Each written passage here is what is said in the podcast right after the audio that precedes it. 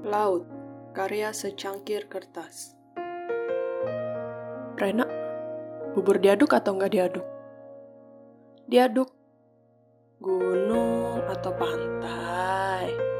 Hmm, pantai sih. Lu yakin pantai? Lu kan nggak pernah pacaran ke laut sama Arto. Pernyataan Lani lalu mengundang gelak tawa dari sahabat satu gengku yang lain.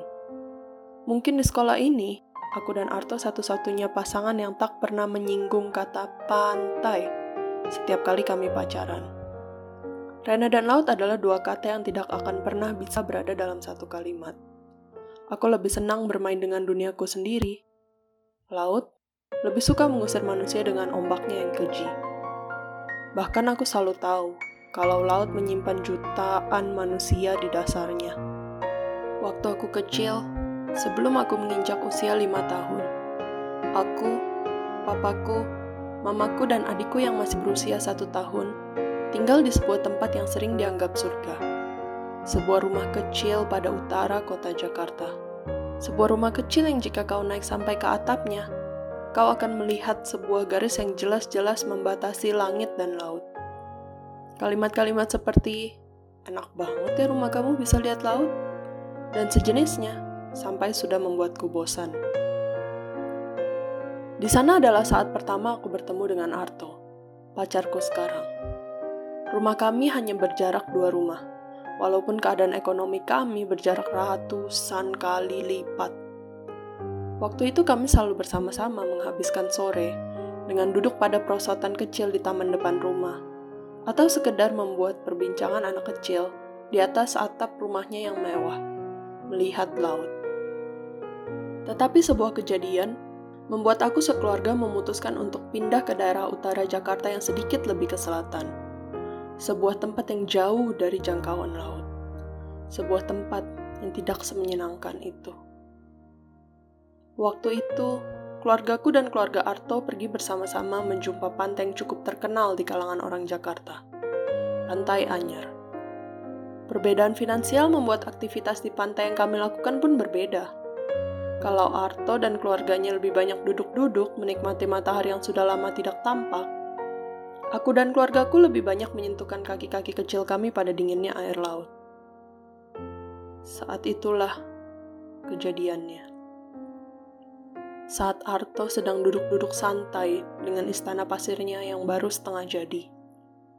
Saat papa dan mama Arto sedang tertidur di bawah terik matahari. Saat papa dan mamaku sedang membeli sosis yang sedang dibakar abang-abang di bawah payung bundarnya.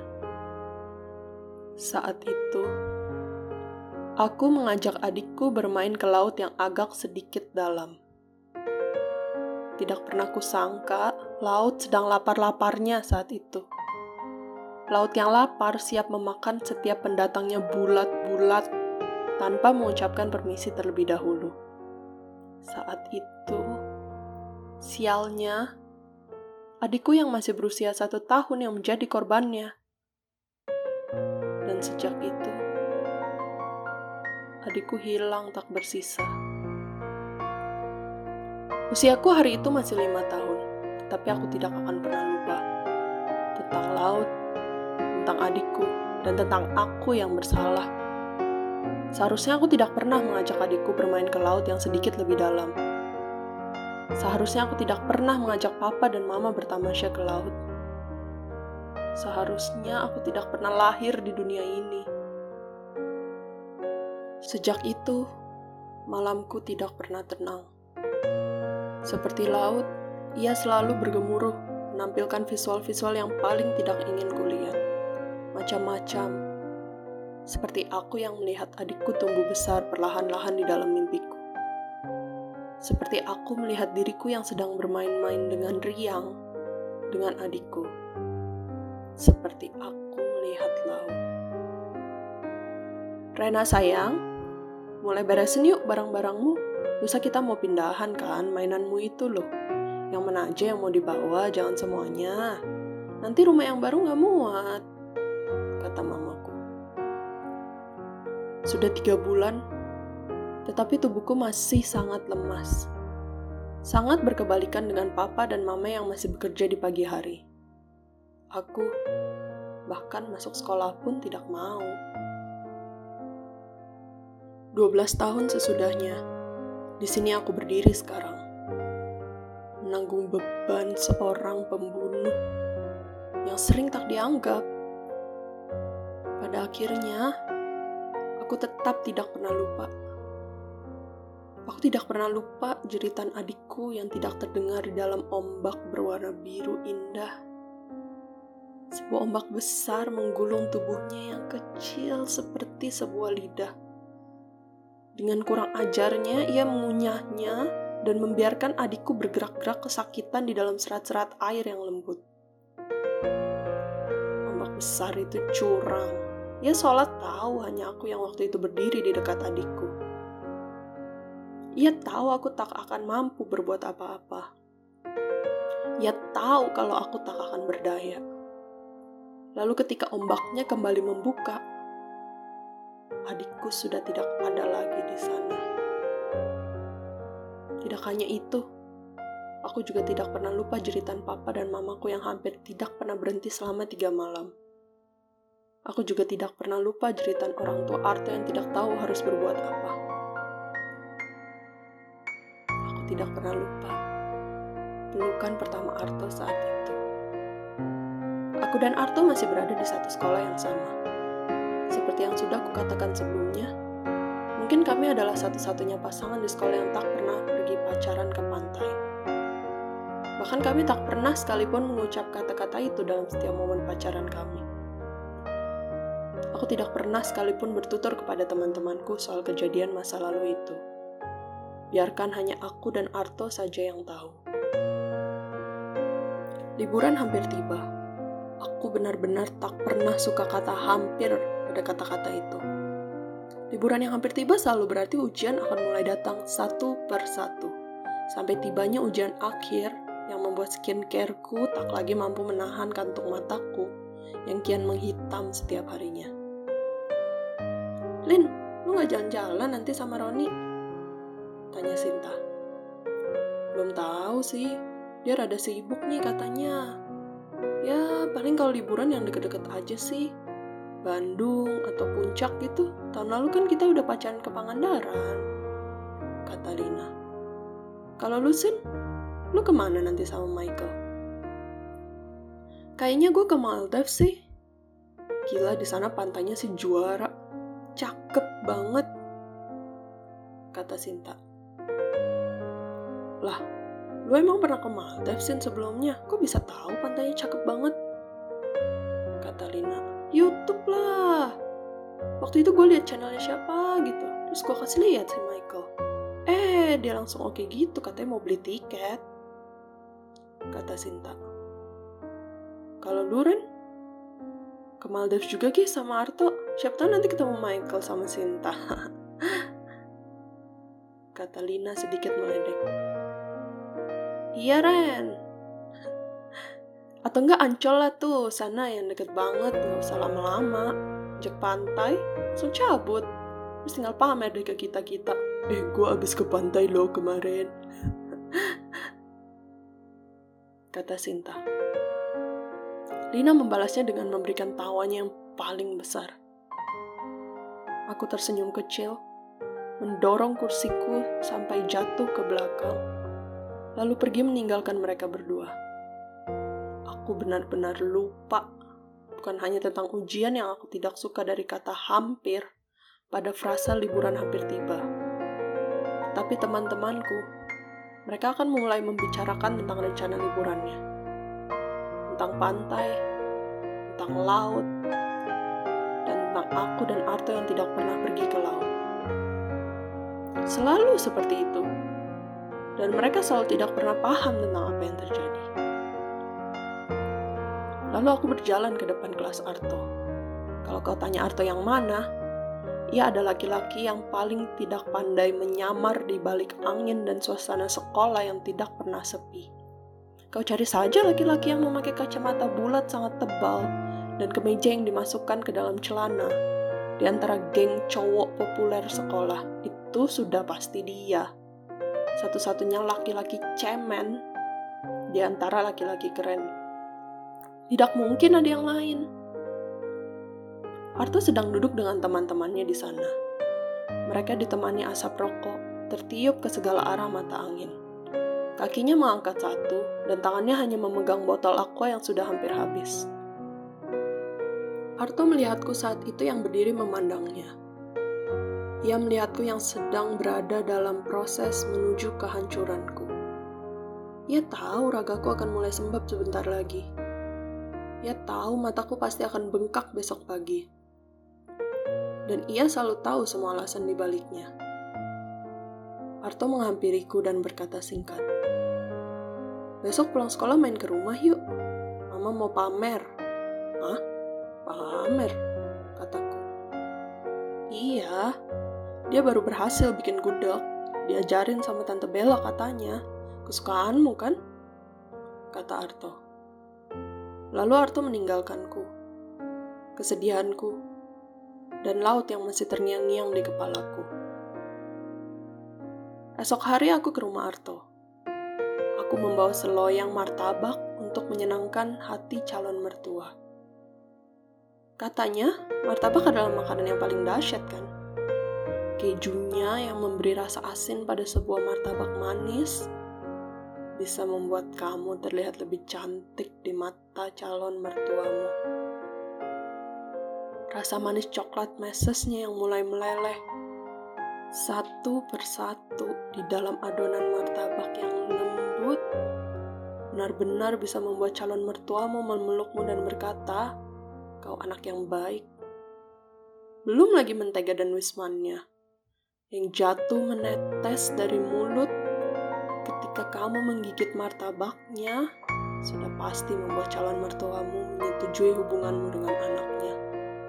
Bayangkan seberapa dahsyatnya sebuah martabak mengalahkan semua yang ada di muka bumi.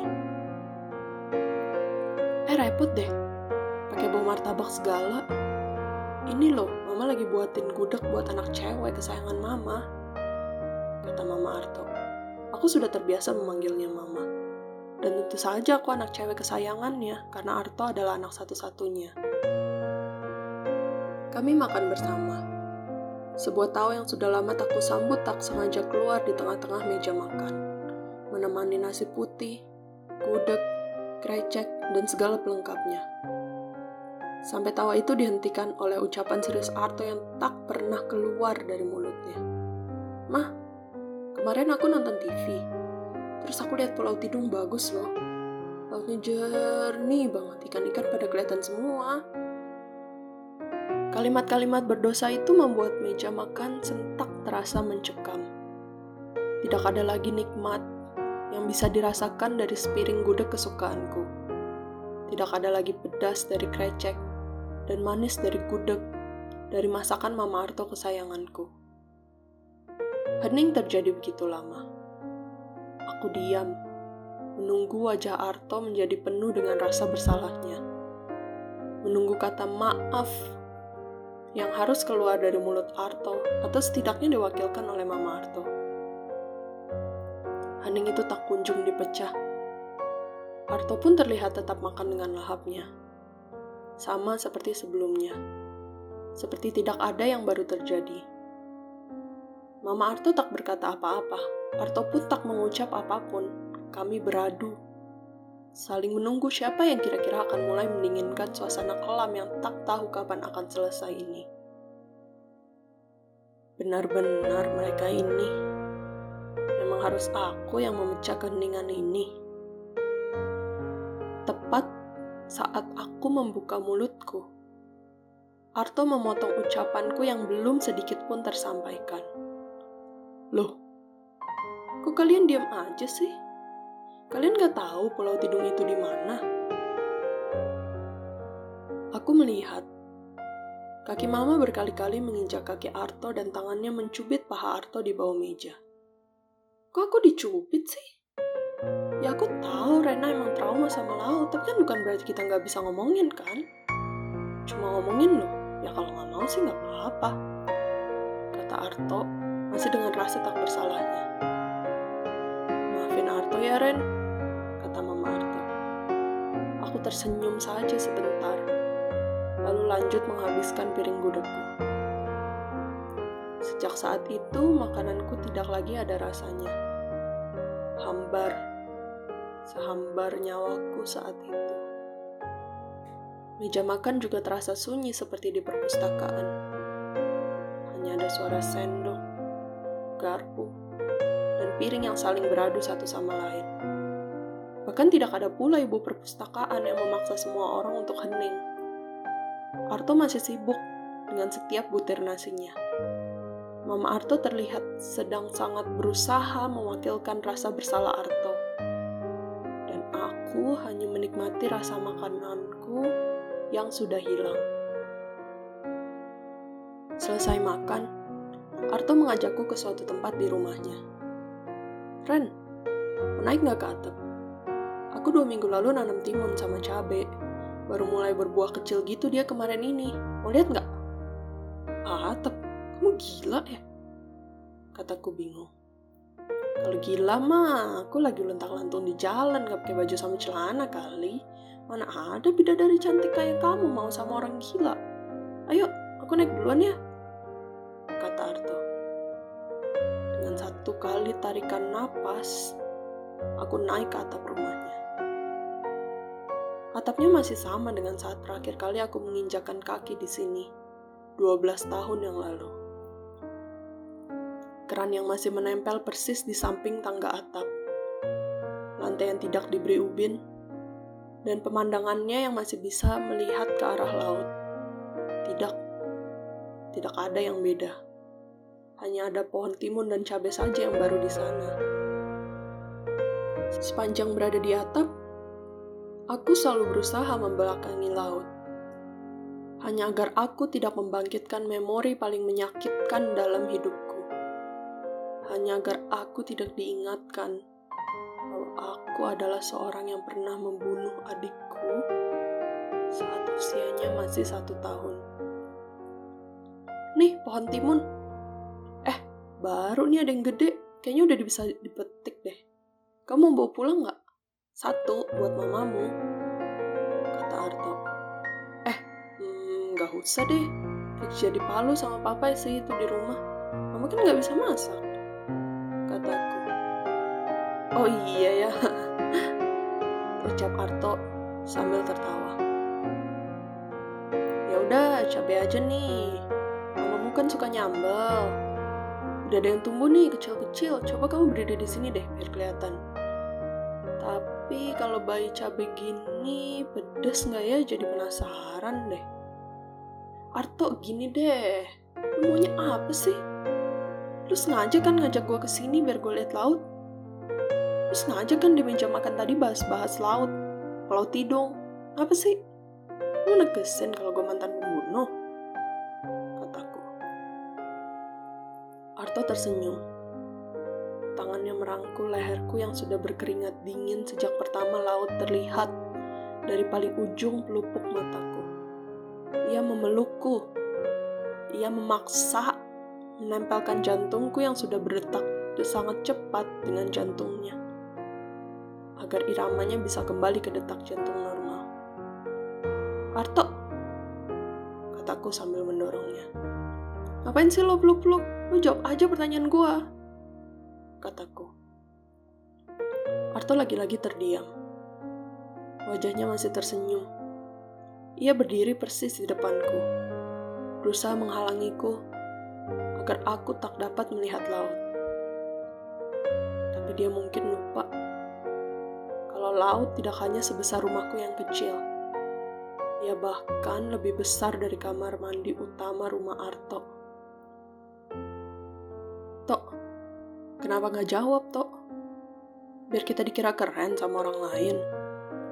Biar kamu gak diledekin lagi sama teman-teman kamu gara-gara kita gak pernah pacaran ke pantai. Aku udah berusaha loh untuk melockdownkan diriku dari laut selama belasan tahun.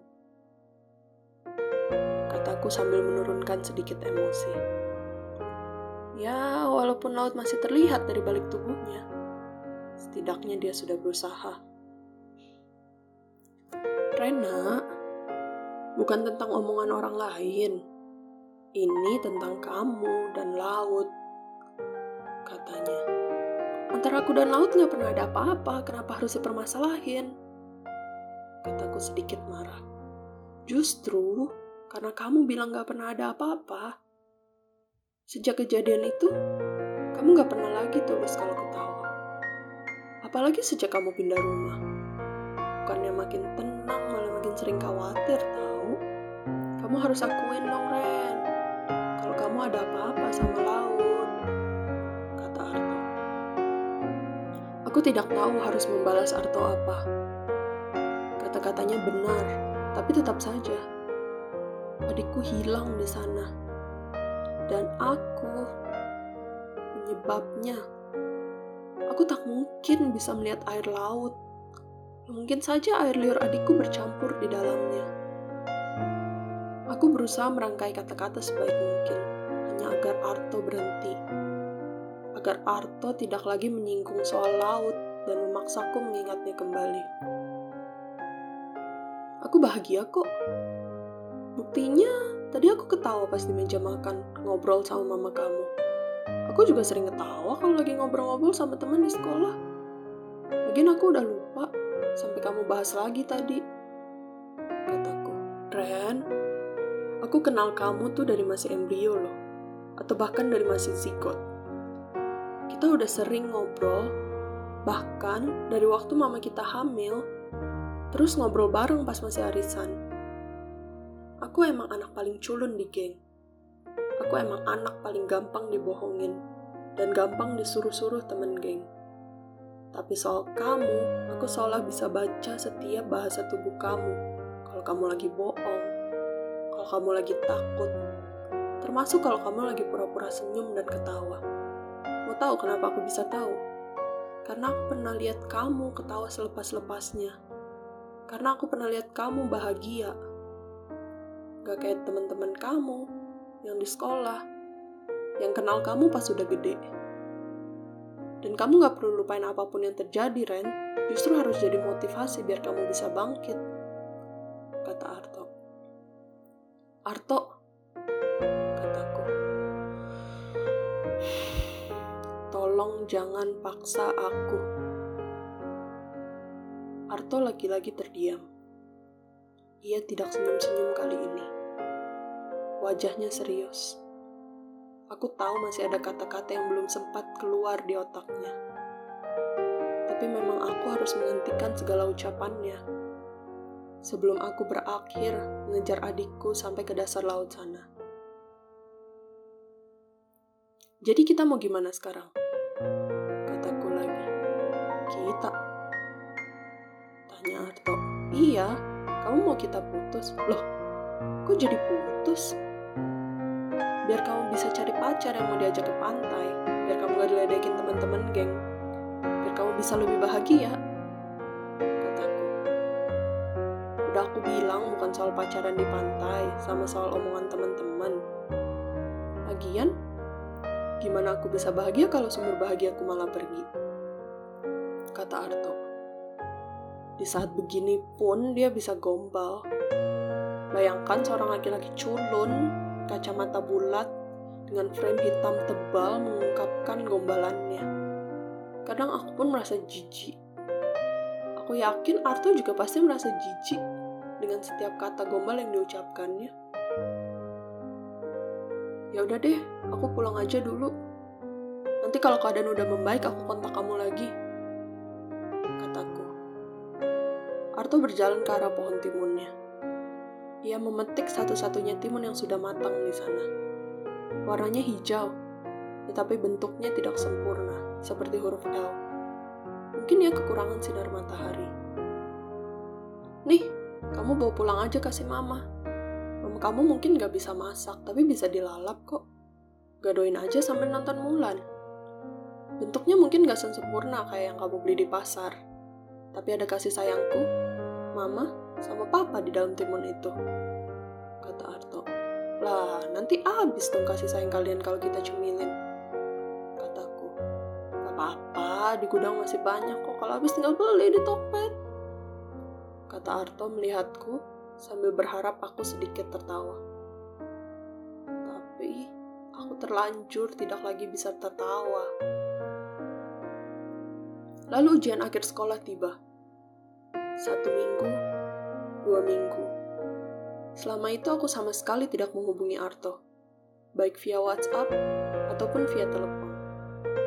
Aku terlalu sibuk belajar, sampai aku sudah lupa dengan kejadian di rumah Arto. Tetapi kejadian itu setidaknya membuatku berpikir, apakah aku harus berdamai dengan laut? Apa aku harus melupakan semua kejadian 12 tahun yang lalu? Apakah aku harus melupakan adikku selamanya? Malam itu, satu hari setelah ujian selesai, aku akhirnya memberanikan diri dengan segala tekad di dada untuk mengirim pesan kepada Arto. Tok, kamu ke mana nggak besok? Tanyaku pukul 19.24. Arto menjawabnya cepat, pukul 19.24. Enggak kok, Ren. Kenapa?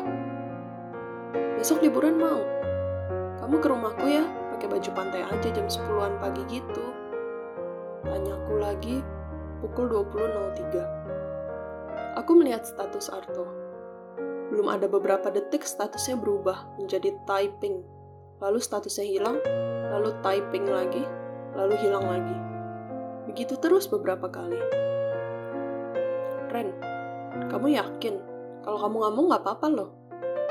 Katanya, pukul 20.14. Yakin. Tapi jangan terlalu berekspektasi tinggi ya. Dan gak perlu bilang teman-teman. Kataku, pukul 21.02. Oke. Jawabnya, pukul 21.02. Malam itu aku tak bisa tidur. Aku cemas, tetapi tekadku sudah bulat. Pikiranku saat ini tengah berdebat tentang apakah jalan yang kuambil benar atau tidak. Yang satu berkata bahwa ini semua demi aku sendiri. Hanya aku yang bisa menyembuhkan diriku sendiri. Bukan Arto, bukan Mama, bukan Papa, apalagi adikku. Yang satu lagi malah seenaknya memarahiku dan menyuruhku tiduran saja seharian. Sampai akhirnya, aku tertidur tepat saat jarum jam menunjukkan pukul 4 pagi. Ren, Rena, bangun nak. Arto dateng tuh nyariin, katanya mau liburan. Kata mama, iya ma, kataku. Lalu aku mengucap kedua mataku. Dan ternyata jam dinding sudah menunjukkan pukul 12.08. Aku panik sepanik-paniknya. Bagaimana bisa aku baru saja membicarakannya dengan Arto semalam? Lalu aku lupa memasang alarm untuk pagi hari. Aku buru-buru ganti baju, sikat gigi, dan berdandan sedikit, lalu keluar kamar untuk menemui Arto. Pakaian Arto sedikit rapi. Ia mengenakan kemeja biru muda lengan pendek bermotif pohon kelapa. Celananya pendek berwarna coklat tua. Belum lagi, ia mengenakan kaos kaki berwarna putih merek Tommy Hilfiger yang menandakan bahwa ia mengenakan sepatu ke rumahku. Jam tangan Rolex membuat penampilannya seribu kali lebih berkelas. Entah apa yang dipikirkannya, main ke pantai dengan jam tangan Rolex. Sorry, sorry, Tok. Aku lupa pasang alarm udah lama di sini. Tanya aku. Ya, tadi dua jaman sih ngobrol sama mama kamu. Tapi seru sih, jadi nggak berasa nunggunya, katanya. Sorry ya, kataku. Gak apa-apa, yaudah yuk liburan, aku udah gak sabar nih. Katanya sambil menarik tanganku. Hehehe, bukan ke arah situ. Kataku. Loh, kan pintu keluar di sini. Kata Arto bingung. Gantian aku menarik tangan Arto. Mengajak ke ruang keluarga. Di meja itu sudah ada sebuah timun yang mama potongkan kecil-kecil untuk kami. Aku menyalakan TV, menampilkan vlog-vlog YouTuber berlibur ke pantai yang sudah kuunduh sebelumnya. Napasku berat, terengah-engah. Keringat dinginku mulai sedikit-sedikit menetes melihat video seorang yang bermain ke laut di televisi. Melihat ombaknya selalu masih membuatku terngiang-ngiang dengan ombak yang membawa adikku. dan ingatan itu tak kunjung pergi. Arto memandangku cemas. Ia berkali-kali mengambil remote TV untuk mematikannya. Tetapi aku berkali-kali juga melarangnya untuk mematikan TV. Tok, kita liburan ke pantainya di sini dulu ya. Pakai baju pantai biar kerasa suasananya. Aku janji suatu hari kita akan ke pantai bareng, kataku. Ngomong-ngomong, ini timun mama baru beli di pasar tadi pagi kok. Yang kemarin kamu kasih udah kucumilin sama mama sambil nonton bulan. Hehehe. Arto mengangguk dan tersenyum. Sambil berlibur, ia mengemil timun yang sudah mama potongkan. Ia merangkulku dalam peluknya lagi-lagi berusaha menurunkan irama jantungku agar sama dengan detak jantungnya. Tenang saja, Arto. Aku betul-betul berjanji.